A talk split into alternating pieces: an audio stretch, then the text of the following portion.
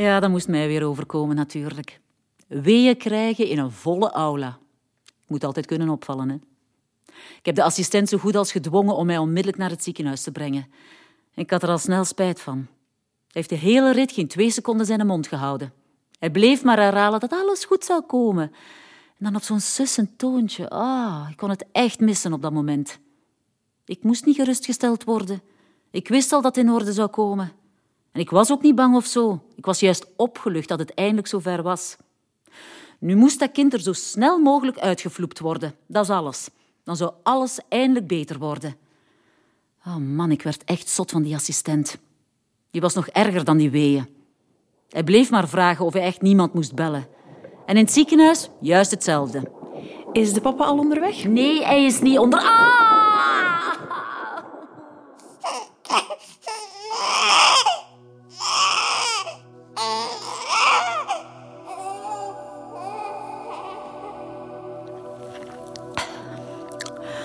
Mijn mond is droog. Alles doet pijn. Oh, ik ben veel te moe om mij te bewegen. Oh shit, iemand moet dat gekrijs afzetten. Ik word er echt zot van. Moeizaam open ik mijn ogen. Het wenen stopt. Ik zie mijn moeder. In haar armen heeft ze een pakketje. In dekens gewikkeld. Baby.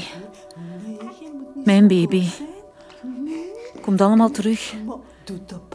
Ik sluit snel mijn ogen, misschien verdwijnt het dan allemaal vanzelf. Maar dat doet het niet natuurlijk. Ik grijp naar mijn buik onder het laken. Die voelt minder dik. Oh, dat is goed. Met wat oefeningen wordt het allemaal weer strak. Dan is het allemaal weg. Alles is weg dan. Oh, kijk eens. Mijn moeder merkt dat ik wakker De ben. mama is wakker. Ze draait zich naar mij toe. Ik zie mijn zoon voor de eerste keer. Dat gezichtje. Een shock gaat door mij. Het is precies... Het is precies alsof... Alsof Steven mij aankijkt. Kijk, dat is nu precies wat ik zo bang voor ben geweest. Hè? Dat is waarom ik onmogelijk voor dat kind kan zorgen.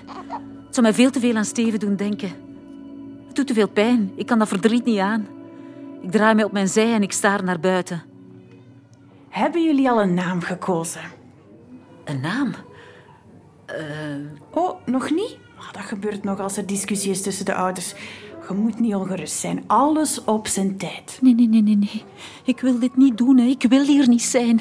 Ik wil geen naam verzinnen voor een kind dat nooit het mijne zal zijn. Wij dachten eigenlijk aan Kobe. Als Karin een jongen was geweest, dan had hij Kobe geheten. Mooie naam. Proficiat. Mij maakt het niet uit. Laat ze maar doen. Ik heb mijn deel gedaan. Vanaf nu is mijn zorg niet meer. Tijd voor het flesje. Wil de mama Kobe eten geven? Nee, nee, nee, nee. Ik weet dat ik nu moet volhouden. Ik kan mij geen zwak moment veroorloven. En ik heb het volgehouden. Ik heb Kobe geen enkele keer in mijn armen gehouden. Als ik dat wel had gedaan, dan was het mij misschien nooit gelukt om weg te stappen uit zijn leven. Mijn moeder heeft die eerste dagen in het ziekenhuis voor Kobe gezorgd. Ik deed niets. Geen pamper, geen flesje, geen troostende woordjes. Ik wou er helemaal niks mee te maken hebben. Hm. De verpleegsters maakten zich zorgen om mijn afstandelijke houding. Ze boden mij psychologische hulp aan. Een praatgroep voor moeders met een postnatale depressie. Oh man, ik werd er zo kwaad van. Ik had geen postnatale depressie. Ik was gewoon geen moeder. Waarom wilden ze dat niet begrijpen? Hé, hey, dag, dag Kobe. Ja, mogen Ah, alstublieft. ventje. Stop ermee. Je zou je beter niet zo hechten. Je maakt het jezelf alleen maar moeilijk. Kijk, Karin, het is gewoon een moeilijk begin. Je hebt wat tijd nodig om te wennen aan het idee. Het zal allemaal wel in zijn plooi vallen. Hoe vaak moet ik het nog zeggen, maar ik hou dat kind niet. Het wordt afgestaan voor adoptie en daarmee uit. Ze ging mij dat niet nog eens slappen, hè. No way, hè. Deze keer ben ik even onverbiddelijk. Als het kind blijft, dan ben ik weg. Dat zei ik. Ik zag de teleurstelling in haar ogen. Ze kon me niet begrijpen dat ik geen moedergevoelens had. Ze was altijd blijven hopen dat ik van gedachten zou veranderen als ik mijn kind in mijn armen zou houden. Ze dacht echt dat ik dan plots liefde zou voelen. Maar dat kon ik niet laten gebeuren. Ik wou geen liefde meer voelen. Voor niemand. Ze heeft wel nog van alles geprobeerd om mij toch nog te overtuigen. Plots werd alles uit de kast gehaald. Al die moeite die ze nooit voor mij had gedaan, kon nu ineens wel. Ze zou minder gaan werken, ze zou Kobe opvoeden, ik zou kunnen studeren, dat beloofde ze mij allemaal. Maar dat was geen oplossing. Dan zou ik nog altijd elke dag herinnerd worden aan Steven, en dat wou ik niet. Ik was duidelijk geweest en ze wist dat ik het meende. Maar toch was ze verbaasd toen ik met mijn bagage klaar stond om te vertrekken. Ik had haar gewaarschuwd. Het was haar dochter of haar kleinzoon. En zij had haar keuze gemaakt. En zo vluchtte ik weg van alles en van iedereen. Het doet mij wel iets om dit allemaal aan jullie te vertellen. Toen dacht ik echt dat ik de juiste beslissing had gemaakt. Dat het beter was voor ons alle twee. Maar ondertussen weet ik hoe hard ik Kobe daarmee heb gekwetst. Ik was niet van plan om ooit terug te keren. Op dat moment dacht ik dat ik mijn zoon voor de laatste keer had gezien.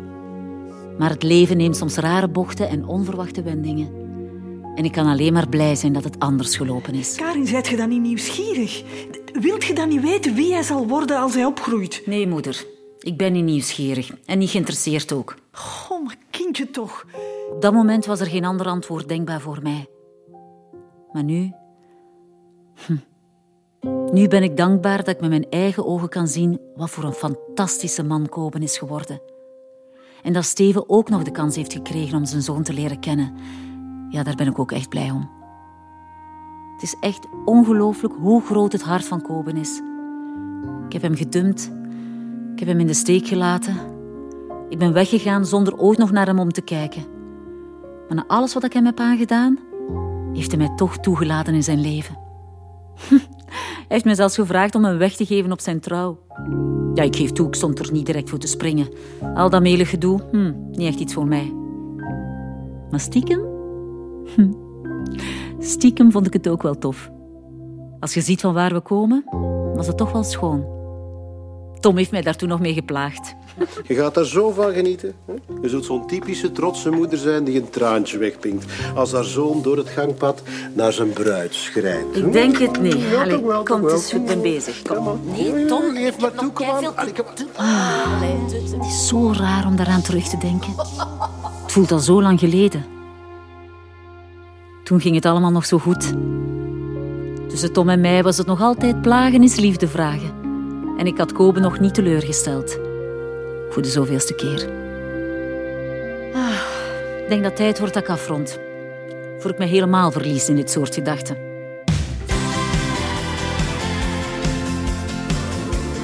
Aflevering gemist? Herbeluister deze en alle vorige afleveringen van Ik Karin via de Radio 2-app. Je bent